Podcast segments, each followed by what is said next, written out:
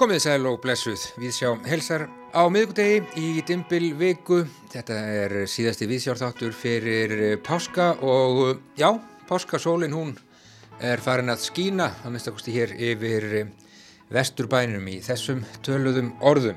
Vladimir Nabokov aðvörun til hennar ríku, netmyndlist og endurfundir í viðsjá í dag.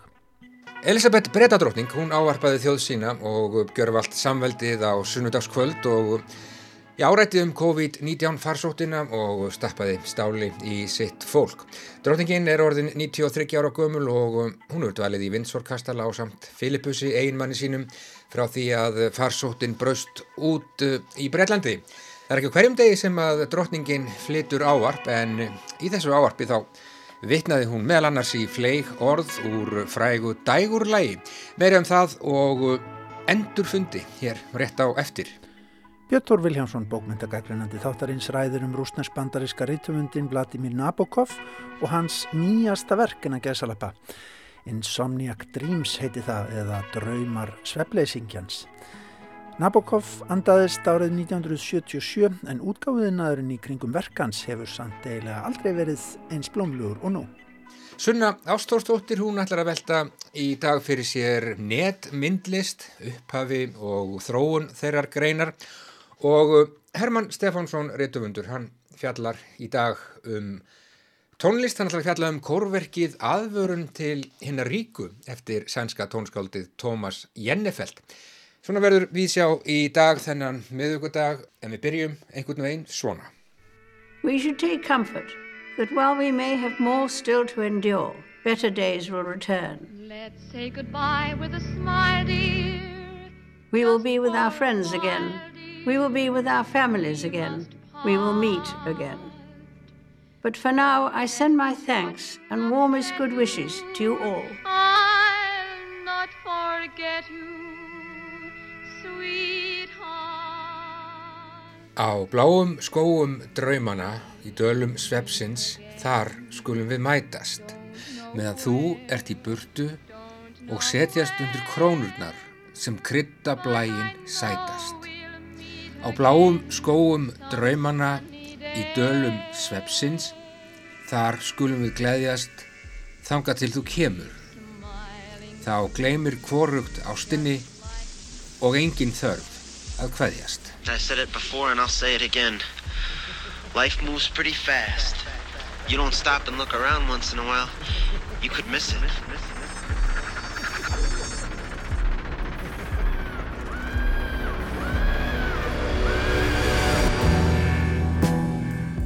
Við hittumst aftur, we will meet again, sagði Elisabeth Bretadrottning í áarpi sínu til Bresku þjóðrennar og samveldisins.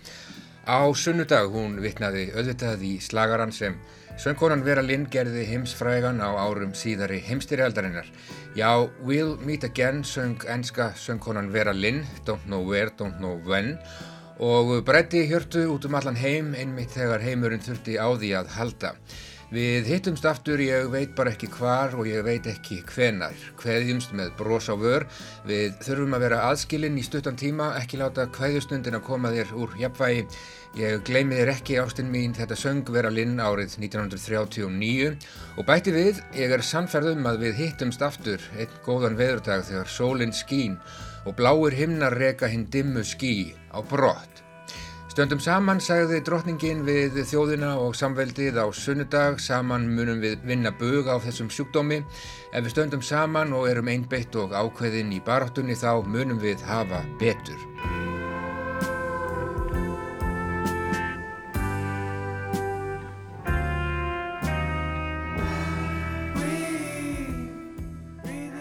Þetta er ágætu hlustendur, kunnugleg þula þessa dagana, já við hittumst aftur en drottningin gaf reyndar korki upp stað nýja stund, við vitum ekki hvar og við vitum ekki hvenar, hún getur það auðvitað ekki, ekki frekar en nokkur annar og hún var ekkert að minna bresku þjóðina á þá staðreind, sagði bara við hittumst aftur og við auðvitað botnuðum um leið, veit ekki hvar, veit ekki hvenar, einn ég sitt og sauma. Let's say goodbye with a smile, dear. Just for a while, dear, we must part. En það er þetta með kveðjustundina og endurfundina það að hittast aftur, þetta með að hilsast og kveðjast. Sannfaringin um að við munum hittast aftur hvernig sem allt veltist og snýst, ómútstæðileg fullriðing sem hitti eðli málsins samkvæmt beinustu leið í mark hjá hermönum sem börðust í setni heimstyrjöldinni, kvöttu ástvinni sína og heldu út á vývöldin. Og já, sungið er um hverjustund elskenda áður en haldið er út í stríðið að minnstakosti fekk söngurinn þá merkingu á árum síðar í heimstýrjaldarinnar. Það eru þetta trúarlegur tótn í þessu öllu saman og það gerir þetta allt pínu sorglegt. Ef allt fer á vestaveg getum við þó að minnstakosti reytt okkur á að við munum hittast aftur hinnum megin en hver veit nema ljósir lokkar lítill kjóll og stuttir sokkar hittist fyrir hinnum megin og svo framvegis.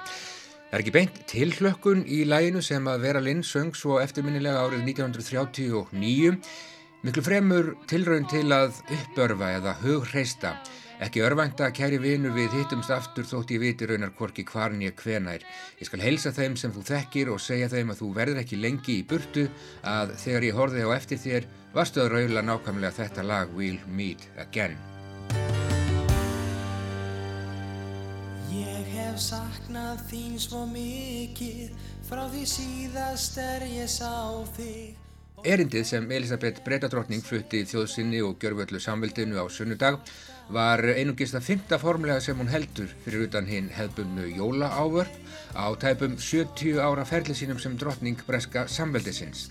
Fyrst áarpið flutti hún úr sömu höll Windsor Kastala árið 1940 Og já, we will meet again, þessi fjögur orð, loftbelgurinn sem við svífum á þessa dagana og treystum að munni færa okkur á hárréttan stað á hárréttum tíma eftir mjúka lendingu. Fólk er auðvitað þessa dagana að velta þessu fyrir sér hvað gerist þegar við hittumst aftur, þegar kófinu líkur, fólk er að hugsa um endurfundina í margskonarmerkingu þessu orðs og já, ég er að tala um endurfundi.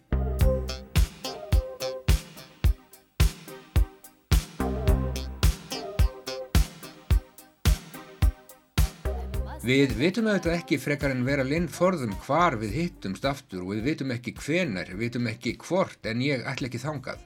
Ég held að flestir veldi fyrir sér þessu með tíman, hvenar rennur þessi bóðaði sólskinsdagur upp, hvenar mun blái himinin losa sig við þau hinn dimmu skí og við hittumst gladbeittir forkólvar undir honum. Tímasetningin tekur okkur á taugum en það er vegna þess að við þekkjum hann ekki, þetta er hinn óvissi tími og því er nú veru miður döðans óvissi tími og fer kannski best á því að tala ekkert um hann, hvorki hátt nýja í hljóðum.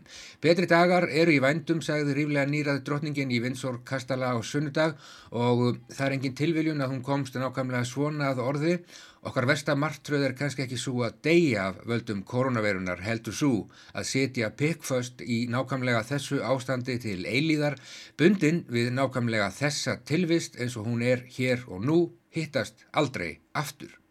Við óttumst um ástfinni okkar en hvað okkur sjálf varðar þá óttumst við kannski það að geta hvorki lifað nýtt dáið. Ég óttast það að hitta þig ekki aftur kæra vinkona, ég óttast það að geta aldrei aftur fært þér rósir, gengi með þér um strönd sem er öduð sandi og kossum, ég hef saknað þín svo mikið frá því síðast er ég sá þig. Ef ég væri óðamála spámaður í kvítum kubli með ótakmarkað ímyndunarafl myndi ég hygglust kasta fram funheitri dagsetningu en algjörlega án ábyrðar fullir það að það sem við eitt sinn kölluðum veruleika muni vitrast mér á vindasömmum degi og bam, við varum snún aftur til fyrra lífs. En ég er ekki spámaður, heldur bara heimavinnandi útvarpsskunkur að fylgjast með hröfnunum. Staðan eins og hún er nákvæmlega núna býður ekki upp á annað en að söngla fullur vonar. We'll meet again, frekar mjó róma og varfærnislega við undirleik orgels sem gæti somt sér ágætlega í mjög fámennri jarðaför. Don't know where, don't know when, snar þakna síðan og fara að leita staðnum. Þar sem við munum svo sannlega hittast aftur bjóða upp á algjörlega COVID-laust spjall, skiptast á rósum, andvörpum og rósum, krína hvort annað rósum, anda alheiminum að okkur en líða um leið aftur inn í heim þar sem hlutirnir heita sínum réttu nöfnum sem kannski voru allan tíman raung.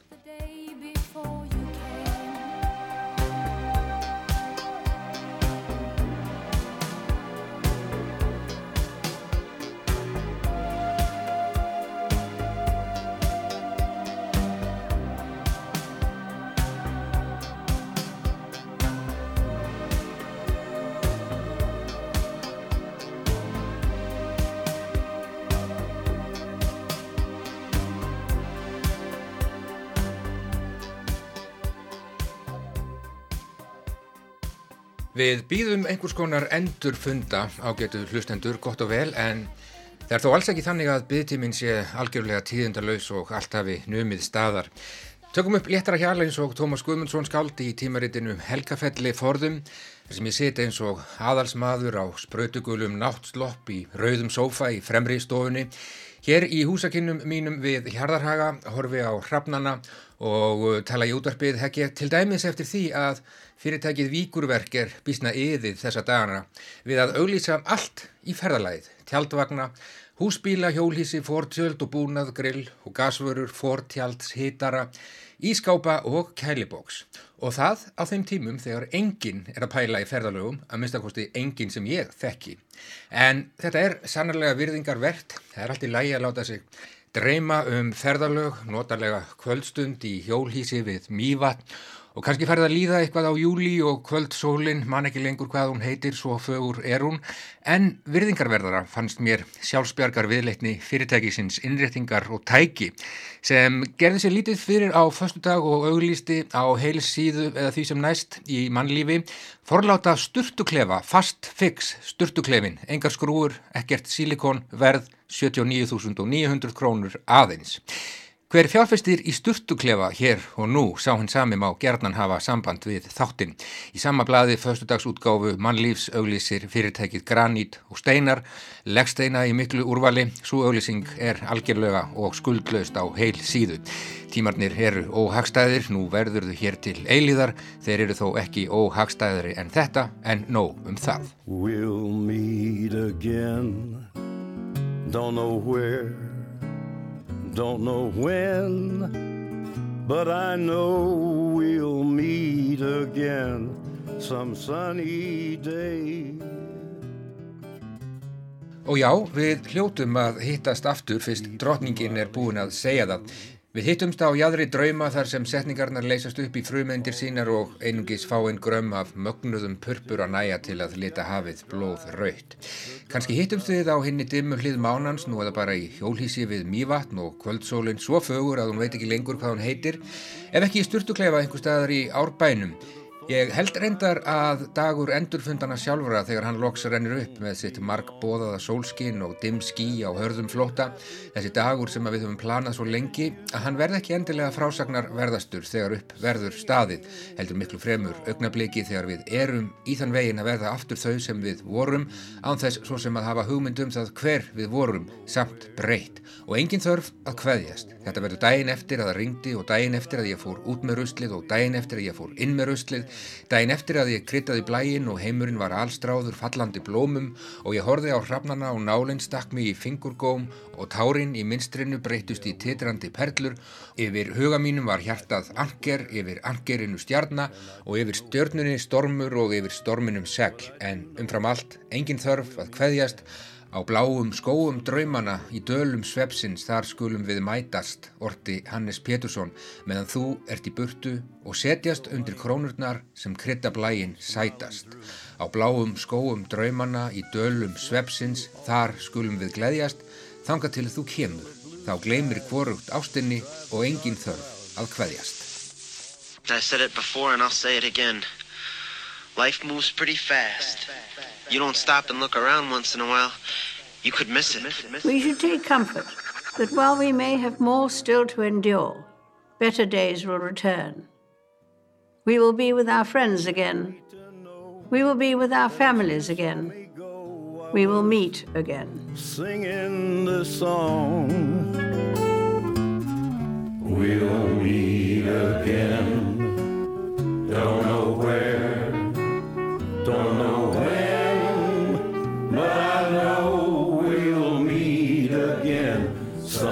sunny day.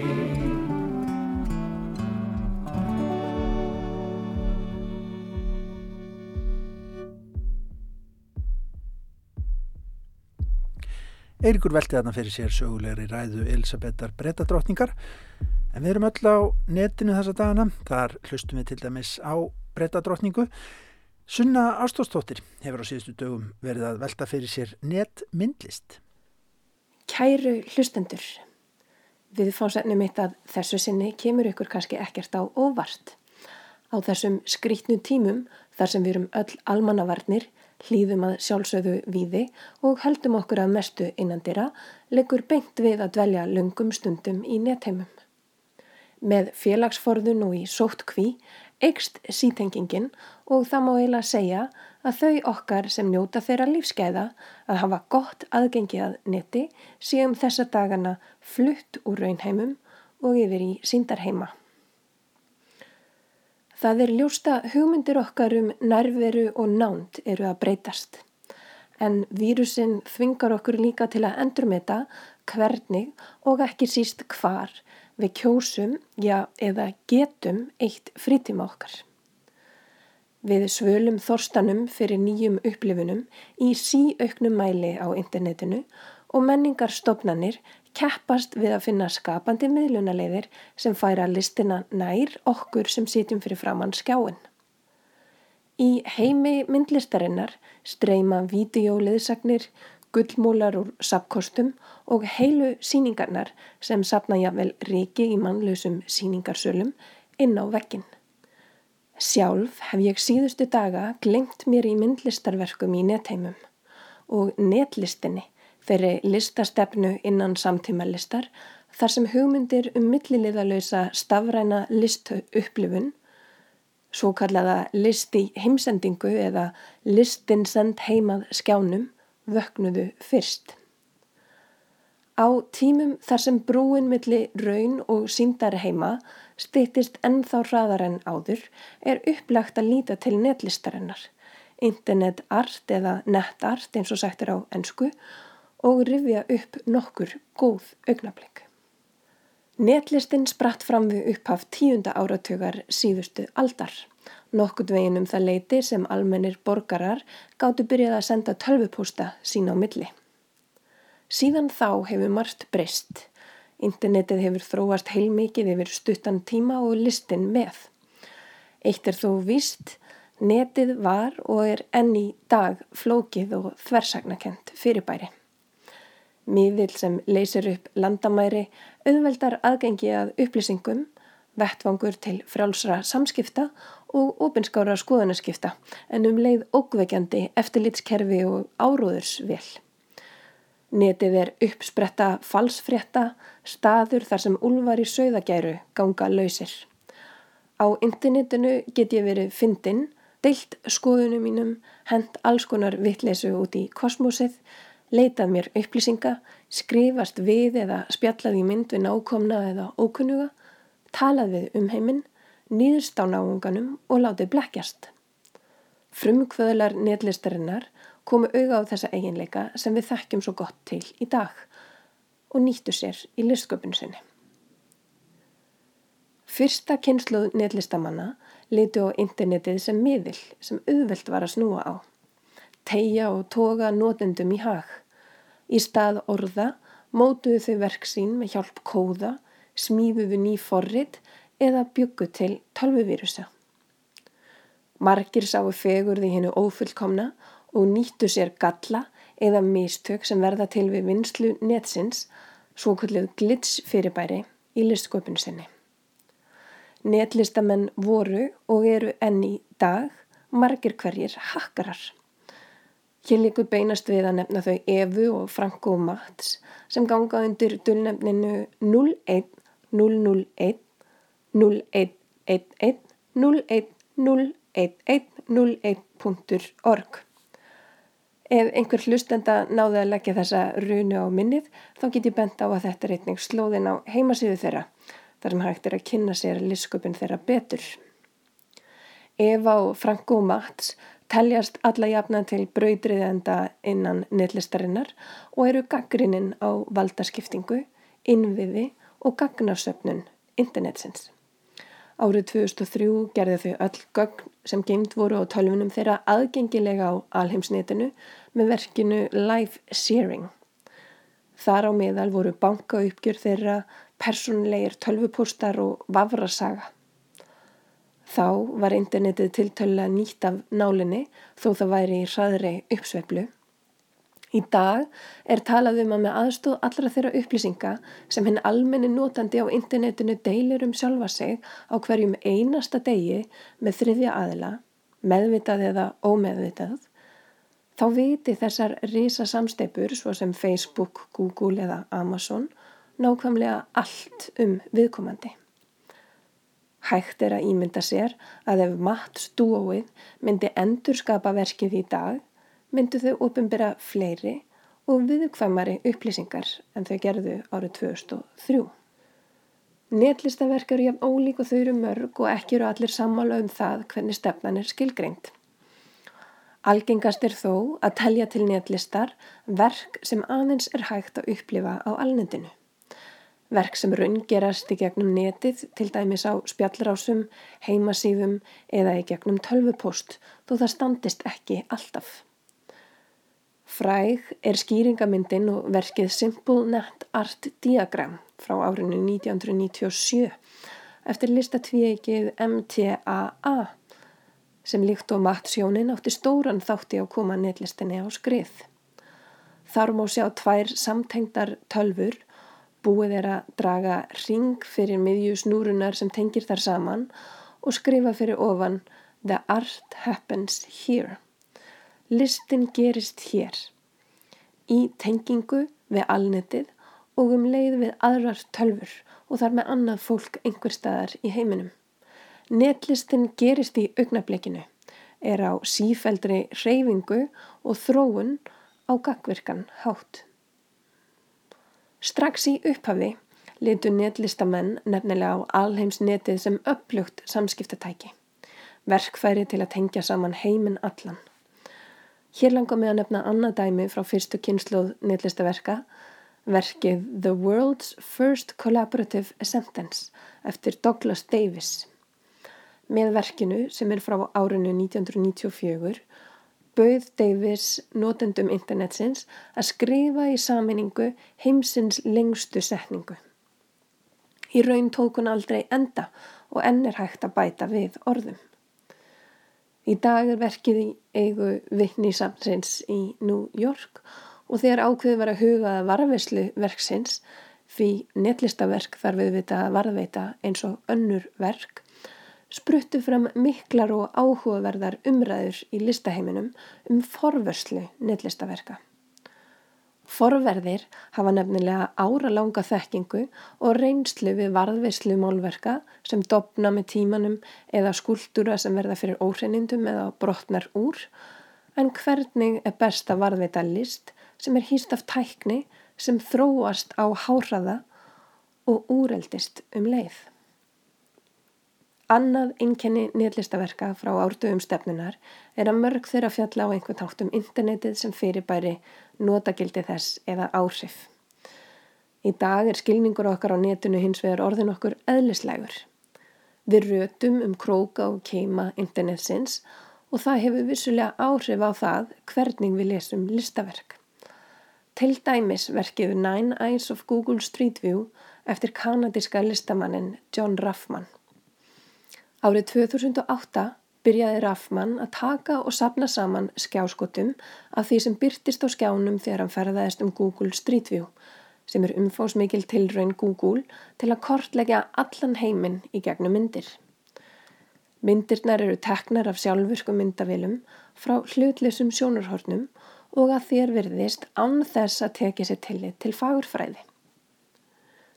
Í gegnum nettengtar tölfur og snjáltæki geta notendur heimsótt nánast hvaða stað í heiminum sem er, hvaðan sem er. Með því að sapna þessum skjáskotum vekur Rafmann meðal annars upp spurningar um hlutverk myndtöfunda og tilgang myndsköpunar í sífelt sjálfverkari heimi. Rafmann heldur enn þann dag í dag áfram að sapna þessum skjáskotum eins og ljósmyndari sem stendur fyrir aftanmyndavélalinsu og velur hvað áhurvendur fá að sjá og hvað ekki. Þessar myndir hafa verið síndar víða á bloggi og heimasöðu Raffmanns en einnig sapnaði í bækur eða síndar í gallerím. Myndirnar krefjast ekki nettengingar til þess að á þessi hort en við getum lesið þær og þar með upplifað verkið menna þess að við kunnum að nota Google Street View. Þetta á líka við þegar eldri netlistaverk, svo sem heimsins lengsta setning, eru sínd í síningarsölum í dag. Oft er aðeins hægt að skoða arkífaða útgáfi versins, þá ekki lífandi á alnetinu, en samt getur við gert okkur í hugalund hvernig það gæti verið að upplifa verkið á sínum upphaflegu forsöndum. Netlistin er víðáttu mikil listastefna. Í dag hef ég stiklað á heldur stóru og heimsótt suma þeim verkum sem teljast til hortsteina netlistarinnar. Myndlistin lifir enn frjói lífi í netheimum, kannski nú meira en okkur sinni áður. Skoðum það í næstu viku. Saði Sunna Ástósdóttir sem að heldur áfram að velta fyrir sér netmyndlistinni í næstu viku hér hjá okkur í Víðsjá. En þá að bókmentum og stórhættilegum höfundi Björn Þór Viljámsson hefur verið að lesa eitthvað merkilagt. Rúsnesk bandaríski rítumundurinn Vladimir Nabokov var að nálgast 60 þegar hann loks átti bókmæntalegri velgengna fagna. En þá reyndar var um umtalsverða velgengna ræða, heimsfræð raunar. Ástæðan var skáltsagan sem hafnað hefði verið af öllum málsmetandi bókaforlugum í bandaríkjunum, bók sem var að lokum gefin út af lásildum klámútgefanda í París, ég er auðvitað að tala um Lolítu, Þegar skálsagan svo loks barst yfir Allandsafið varði upp í fótur og fytt, stundum við talað um að þarna hafi fellibillurinn Lólíta skollið á grunnlausi þjóðmenningunni Vestanhafs og í výðlesnu tímariti þær í landi fekk Lólíta til að mynda þá umsögn að tilværu í heiminum þrjú verulega hættuleg bókmentaverk. Das Kapital eftir Karl Marx, Mein Kampf eftir Adolf Hitler og Lólíta eftir Nabokov. Nexlunar hellan kom þannig að lókum út í bandaríkjónum árið 1958, þremur árum eftir Parísar útgáfuna og höfðu þá 32 ár liði frá því að Nabokov sendi frá sér sína fyrstu skaldsugu en hún og næstu átta voru ritaðar á rúsnesku að vísu meðan Nabokov var búsettur í Þískalandi hafði hann á samt fjölskyldu sinni verið nöðbeigður til að flýja bólsíveikabildinguna, fjölskylda hans var vellauðug og ættar tríði skartaði jafnvel einstakar síni dæmi um rúsneska aðalinn. Úr allsnæktum var fallið í sára fátakt en væri ekki fyrir hina heimsögulegustu allræði stjórn 20. aldarinnar verður að teljast ólíklegt að nokkuð hefði frá Nabokov komið á ennsku. Það var á flóttanum undan Hitler og í vonum nýtt líf Vestanhafs sem kvítliðin rúsneski tók að vinna sinni fyrstu skáltsugu á ennsku en alls urðu þær átta. Það er þó Lolita sem stendur eins og fjallstendur í höfundarverkinu. Um hana leikur fræðar ljómi og í hugum sumra, í ljósi viðfangsefnisins, svartagalls fíla. Og nú nálgumst við þann ítla nött sem er kjarnið þessa sólkerfis, stendur á einum stað. Og hættulegt ferðalag hefstinn í svartól hins kinnbrenglaða Karlmanns. Í ljósi þess að titill skáltsugunar hefur fyrir löngu tekið sér stöðu sem lýsingarorð og hálgjert flokkunar heiti, vita vafalust sumir að sagan hverfist um vonur og væntingar, stolt og stærileiti barnanauðgarans og petofílsins Humberts Humberts sem jáfnframt er sögumæður verksins. Flókin, eldfim, trublandi, hún er allt þetta og að auki trúlega best skrifaða skáldverk sem ég hef verið svo gæfusamur að kynnast. Í þessu samhengi voru það við þetta stór tíðindi þegar Lolita kom út árið 2014 í íslenski þýðingu Árna Óskarssonar. Því fylgdi svo aukin heldur mikil ánægja að sjá hvernig Árni réðist til aðlugu og hafði betur í glímunni við það sem skýrlega er eitt af óþýðanlegri bókmyndaverkum 20. aldarinnar. Það var líka bara einhvern veginn svo vel búið um hnútana í útgáfinni allri að kápumyndar hönnun reyndar undan skilinni og undan skilinni með eins afgerandi hætti og ég kemst upp með að viðra í útvarpi allra landsmanna. En eftirmáli Nabokovs sjálfs var þýttur líka, auðvitað myndi kannski einhver segja, en væri maður ítla fyrir kallaður og ekki búin að fá fyrsta kaffibotlan, gæti maður vel trúaði upp á íslenska bókaútgáfu að hafa sleftun. Þá tók árni saman ljómandi skýringar fyrir fáinan hluti sem í skáldverkin er að finna og sem slíks þarfnast, en allra vænst þykir mig samt um kablan sem rekur lestina, eftirmála Hallgríms Helgasonar. Samkeppnin er kannski ekki hörð, en þetta er það besta sem hefur verið skrifað um Nabokov á íslensku. Það er til dæmis ekki hlaupið að því að fanga tilfinninguna sem skapast við að lesa Nabokov. Lesandi stýgur inn í einhvers konar dulsbyggilega töfraveröld tungumálsins þar sem allt virðist vera hægt, en gangvirkið að baki undraveröldinni er alltaf utan seilingar. Hallgrímur kvikar hins vega hvergi og eftirmálinn snýsta stórum hluta um það að ná tangarhaldi á þessari viðtökufræðilegu ráðgátu og tilvitnunin sem ég notaðist við hérna fyrir skemstum, þessum ítla hnöttin og kynbrenglega karlmannin, hún er frá Hallgrímur komin. Eins og gerðan er með stórar kanónur í bókmæntaheiminum, þá er heilmikið líf og fjör í kringum Nabokov á nýju ár þúsundin, eða höfundarnafnið öllu heldur. Sjálfur fjallan frá árið 1977, skáldverkin eru öll í virkri útgáfu og svo hafa menningaratvinnumennir alltaf verið hrifnir af Nabokov, bókmyndafræðingar, kveikmyndafræðingar, listfræðingar, rúsnesk og sovjetfræðingar, menningarfræðingar, sálfræðingar og fyririldafræðingar skrifa nót til að ströymurins í stöður, bækur á hverju ári, óteljandi greinar. En það er líka eins og áherslan hafi aukist á útgáfu á efni sem tengist Nabokov-nafninu með beinum hætti.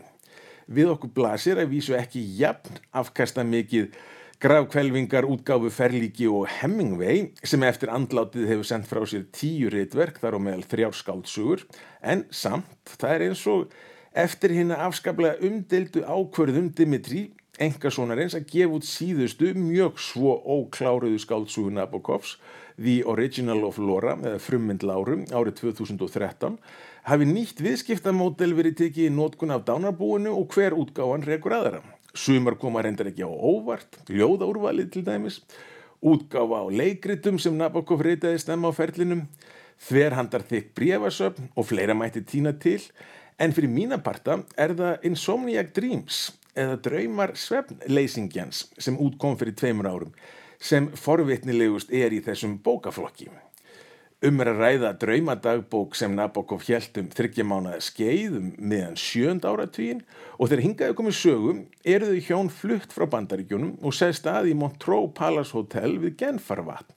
Nabokov er 65 ára þegar handir hafist við draumabókaldið og titill bókaútgáfunar Draumar sveppleysingjans er lýsandi fyrir kvalræðis tímana í lífi Nabokovs sem varðla hafi komið dúra á auga um ára byll. Epískar andvökur og margtraðakjans svefleysi settu mark sitt á síðustu ár skálsins og draumadagbækurnar eru öðrum þræði vitnisspurður um náttböl þetta. Í draumadagbókina var þó ekki ráðist af tilviljun, hvað þá af einhverju svefleysis örvæntingu og tilgangur hennar er forvitnilegur. Með skrásetningu drauma sem verkværi og vopn ætla Nabokov að gera röglega og skipulega atlögu að djúbstæðistu ráðgáttu vísindalega þekkingar, eðli sjálfs tímans. Það er heldur ekki bara svepsoltin rúsneskur næturgöldur sem tekur þessi ákverðin af handahófi. Höfundarverk Nabokovs hverfist allt um tíma og viðbótar farangurinn allan sem hugtakinu fylgir.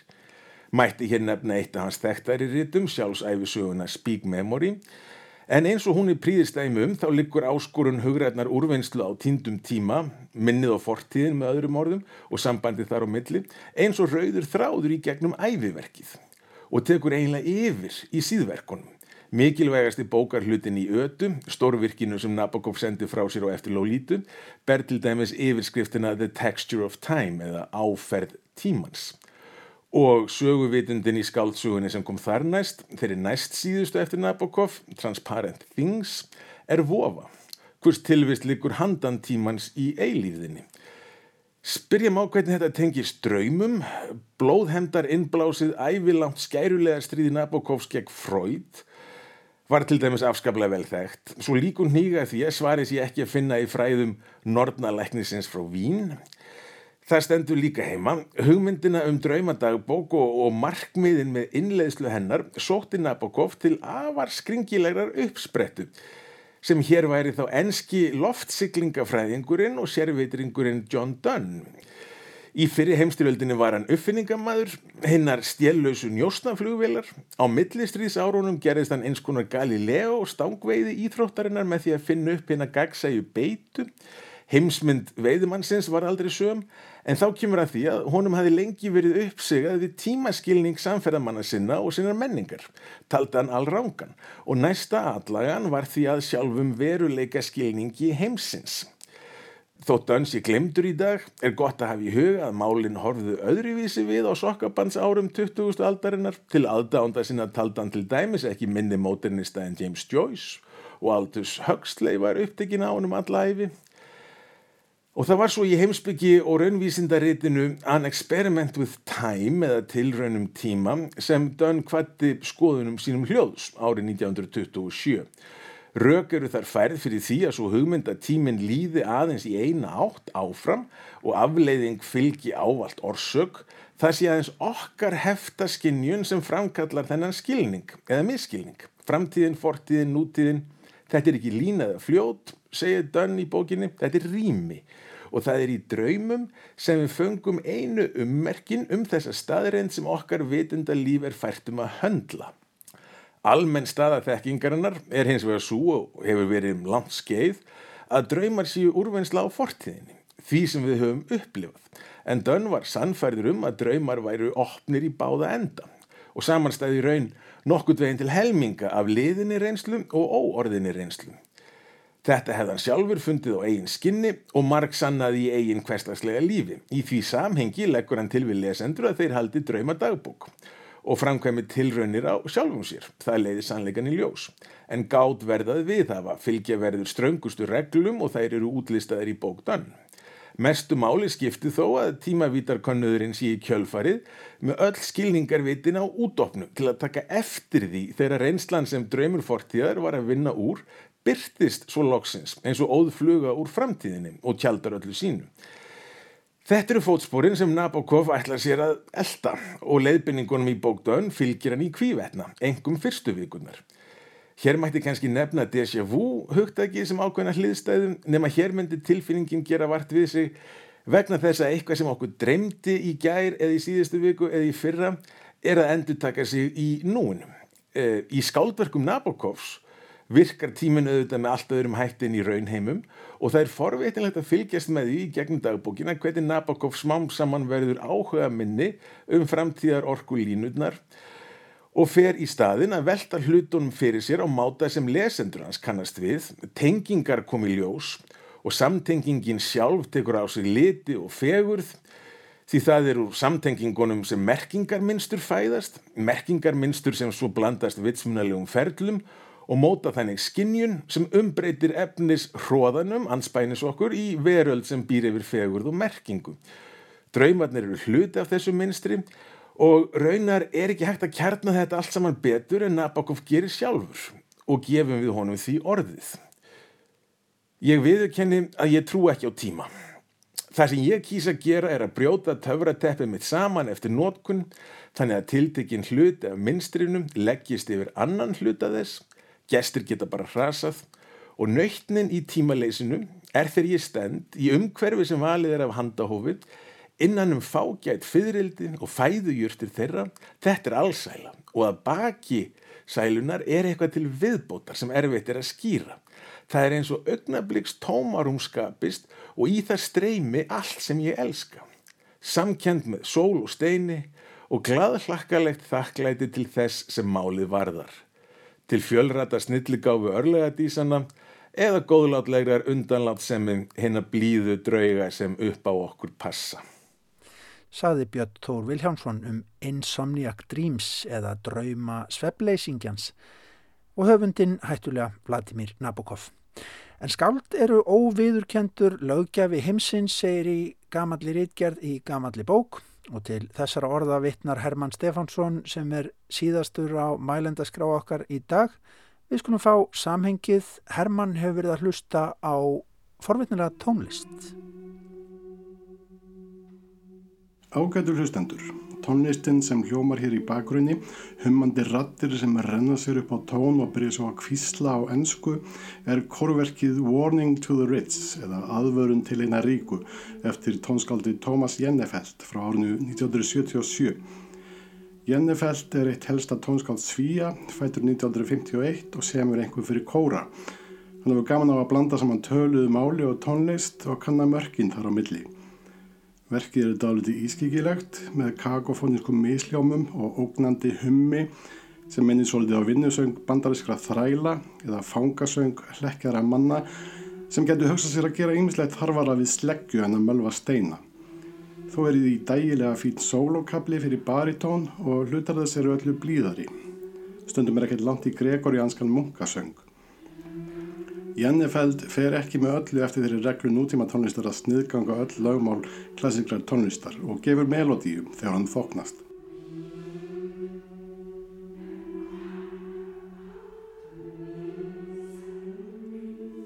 Hví er maður að hlusta á svona tónlist á tímum sem kalla á upp örfun og höfgun, þóla hlustendur slíkan drunga.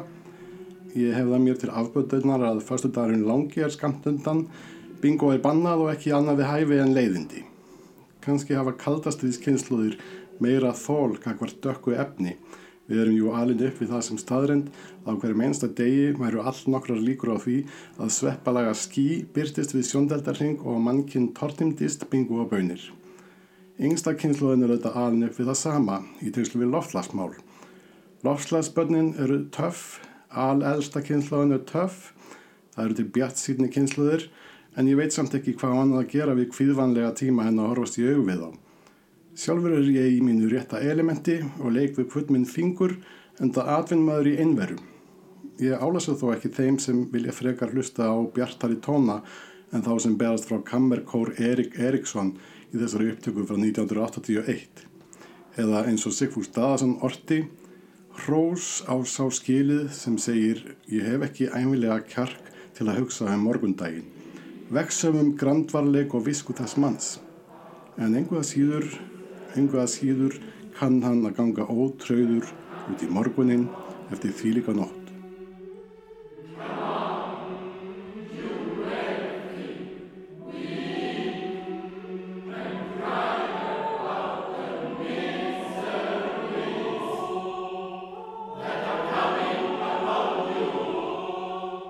Tekstinn sem sungin er í áminningu Tómasir Jennefeld til hinnar ríku er ekki versúsmiðju hippakomunu eða byltingasellu. Þetta er úr hinnu almennabrefi Jakobs í Nýja testamentinu. Tekstinn er svona í biblíu þýðingunni frá árinu 1981. Hlustið á þér öðmenn, grátið og kveinið yfir þeim bájendum sem yfirriður mun koma. Auðriðar er orðin fúinn og klæðiðar er orðin möljetinn Gulliðar og silfur er orðið riðbrunnið og riðið á því menn verðuðu til vittis og geta holdiðar eins og eldur. Þér hafið fjórsöðum sapnað á síðustu dögunum. Launin hrópa þau sem þér hafið haft af verkamennunum sem slóu löndiðar og köll kortskurðamannana eru komin til eirna drottins hersveitan. Þér hafið lifað í sællifi á jörðinni og í óhófi. Þér hafið alið hjörtuðar á sláturnar degi Þegar við sakfælt og drepið hinn réttláta, hann veitir yður ekki viðnám. Berið yður illa, sirgið og grátið, breytið hlátriðar í sorg og gleðinni í hrigð.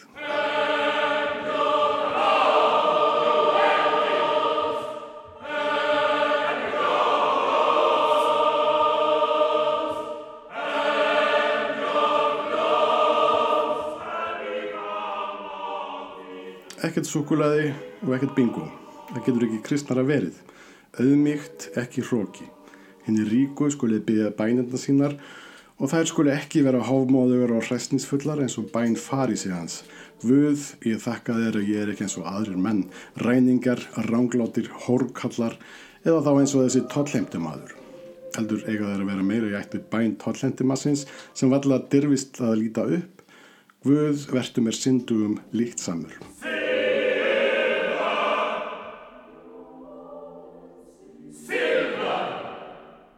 Þetta er sem sé að hefði kristna viðhorf til hérna ríku. Viðhorfið sem segir að auðveldur að sé fyrir úlvalda að fara í gegnum nálarauga en auðmann að komast inn í ríki Guðs. Sælar eru fátækir.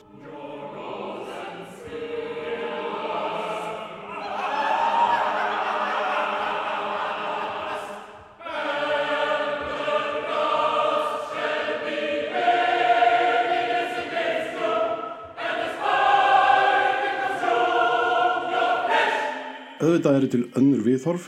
Það eru ekki að leita lengi í raunsæðisbókmyndum til að finna raunguna á hugmyndinu um mannkesku hérna fátæku og ílsku þeirra ríku. Hví skildu fátækt og vesælt vera góða fossundur til að leðist ekki af braut hins góða yfir til hins illa? Og hvaða upplega er vænleira til að láta gott af sér leiða en að eiga nóg af peningum til þess? Svo vantar ekki stjórnmálakenningar í samtíman sem upphefi henni ríku. Í bröðmálakenningunni þurfa henni ríku ekki eins finni hafa neitt fyrir því að láta gott af sér leiða ekki að taka sér neitt andlegt tak, það gerist bara sjálfkrafa, hvað sem þeir taka sér fyrir hendur, af aðtapna sem þeirra leiðir þjóðhastlegur ábati. Allir græða á gróða hérna ríku og að því leiður að ságróði er í sjálfsveir góðverk. En það verðskulda auðmenn auðsinn á þeim kvíli mikil ábyrð og auðurinn er ekki hending heldur verðskuldaður. Dulegi menn, eignagjáin mikla er ekki á fyrir sinju. Henni ríku verða ríkari og henni fátaku fátakari. Þessi setning er eldri en ætla mætti. Hún kemur úr ríkari romantíska skálsinn Shelley sem nefnist til varnar ljóðlistinni og var skrifuð 1821. Einlega er þetta um orðun á dæmisögu úr Mattiðsökuðspjalli. Í ríkjarinni segir Shelley að vegna vaksandi miskiptingar séu samfélagin í úlvakreppu og rambi á milli stjórnleisis og allræðis. Ríkjarin leiður öll að loka orðunum fyrir niðurstöðu að ljóðskáld séu sterkast að hreyfi af veraldarinnar. Ljóðið var auðvitað vinsalla form þá en nú en sjeli á einnig við skáld í víðari merkingu, í alltækum skilningi, skapandi hugsun hvaða form sem hún tekur á sig, hvort sem það er leikrit eða máluverk, hvort sem það eru tónskáld eða þeir sem koma lögum á legg og reysa borgarlegt samfélag. Skáldin eru í þessum skilningi henni andlega frjálsu þeir sem tjá sig um fegurð og aðri sannindi. Skáldin eru samkvæmt sjali æðstuprestar uppvænlegs innblásturs, speklar gríðar mikil skugga sem hefur óordna varpar yfir nútíðuna. Þeir sem orða það sem ekki velur skilið, lúðrar sem blása til orustu á þess að skinja hugmóðin sem er valda. Þessi áhrif bifast ekki sjálf en reyfa aðra. Og svo kom að loka orð ríkjaraðunar Skáld eru óviðukendur löggafi heimsins.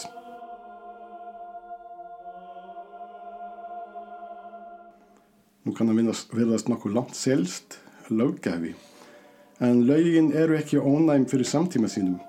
Þau eru ekki óhakanleg, þvert á móti breytast þau í sífellu og taka einn það sem hæst ber í samtímanum og það er ekkert frálegt að egna skáldum af einhverju tægi þetta hlutverk. En ég var vist að tala um ríkt fólk og verk sem sænst tónskáld samti til að skjóta því skelk í bringu. Mér langar ekki að sprengja alvöru skalan, nóg en nú samt. Kanski er einhver ríkur maður að hlusta og hugsa með sér æg nú enn verða að hallmæla okkur auðmönnunum. Því líkir fordómar sem við ríka fólki verðum að sæta enda lust. Skatturinn hyrður að mér allt sem ég ekki kem til fallegra eiga í fjarræðum löndum. Mér er bannað að nota sumabústæðina mína og ég get ekki eins og niður skotist að bæ á snekkunni eða engaþóttunni og valla að södra mitt kampavinn við sundlaugina við setri mitt fyrir óþjóðalíð sem stæðir af mér stút fullur af öfund. Akkur er þetta fólk ekki bara þakklátt eins og það á að vera? Það bara pyrrast þegar maður fær það sem manni ber með réttu og ofnböru sjóðum til að borga þjónstunni. Vel að merkja eru við öll sífrandi miljardamæningar við sundlögar í augum þess íbúa friða heimsins sem ekki átti nýfs og skeiðar. Við erum þessi náengi sem herður allan heiðurinn en hendar ekki smánin. Það þarf ekki mikið af skapandi hugsun til að láta sér dekt í huga borgarastíðeldir getur brotist út hér og þar. Það er ekki mikla sköpun að gáðu til að ímda sér að heimilisofbeldið sem COVID leysir úr leiðingi gæti leitt af sér í mislett fleira eða velskulda kvítar vestræna þjóðir auðsinn manngildis vegna umfram fátakar Afrikuþjóðir. Hví skildu ekki bandaríkinn eða Argentína skella í eins og eitt stykki borgaristyrjöld svo ég orðið það nógu djöfull hrisingslega. Hví skildu ekki nokkrar miljónir marsera frá múslimalöndum í áttið Þýskalans með barefli fyrir mörgum betli svip? Skildi ekki líðurinn geta orðið ansi fjölmennur og lítið dögað að kaupa sér greið. Allir ámenning Tómasar Jennifelt sé ekki hall fyrir okkur öll.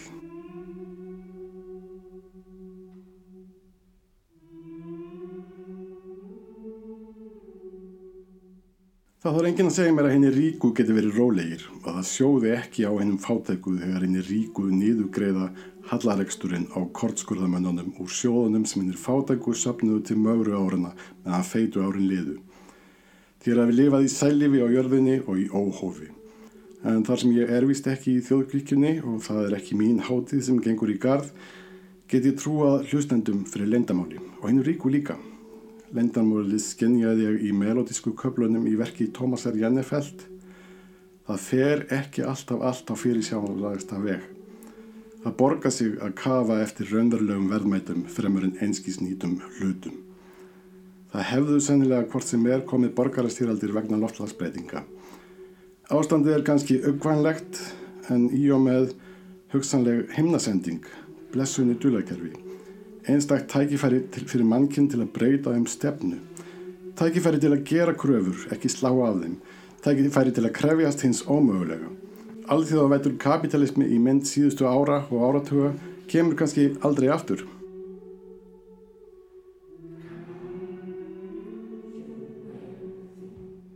En stærsta leindamálið er þetta með hugaróna. Það heitir stóuspeki. Aðferðin er nokkur veginn svona. Settu þér fyrir hugskóssjónir það allra vesta sem gæti mögulega gerst. Gerðu það ljóslifandi. Livðu það í huganum. Gerðu það að hverstaslegri staðrend. Ímyndaðu þér að þú búir nú þegar við það sem veruleika og hann geti ekki versnað. Gerðu þér það raunverulegt. Það er ekki hægt að kvíða því sem þegar er komið. Það er ekki á þínu valdi lengur að breyta hann hennu. Lítið svo upp, andaðu léttara, ákveðdu að vera góð manneskja. Góð manneskja er hamingisum og ekkert fær haggað þeirri hamingju. Allt er mögulegt, lífið er gjöf og gleðin æfinlega innan selingar. Gleðilega páska.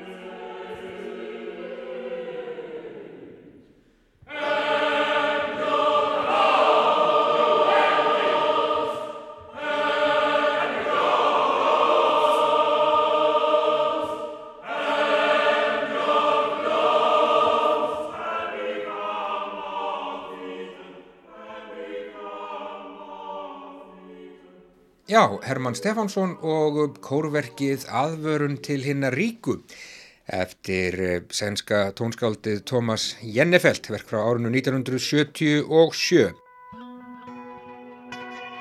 Þá erum við eiginlega kominir á leiðarenda í dag. Þetta var síðasti viðsjárþátturinn fyrir páska. Við verðum hér aftur á þriðju dag en segjum bara njótið hátíðarinnar. Farið vel með okkur og heyrumst aftur eftir páska. Takk fyrir samfélgina.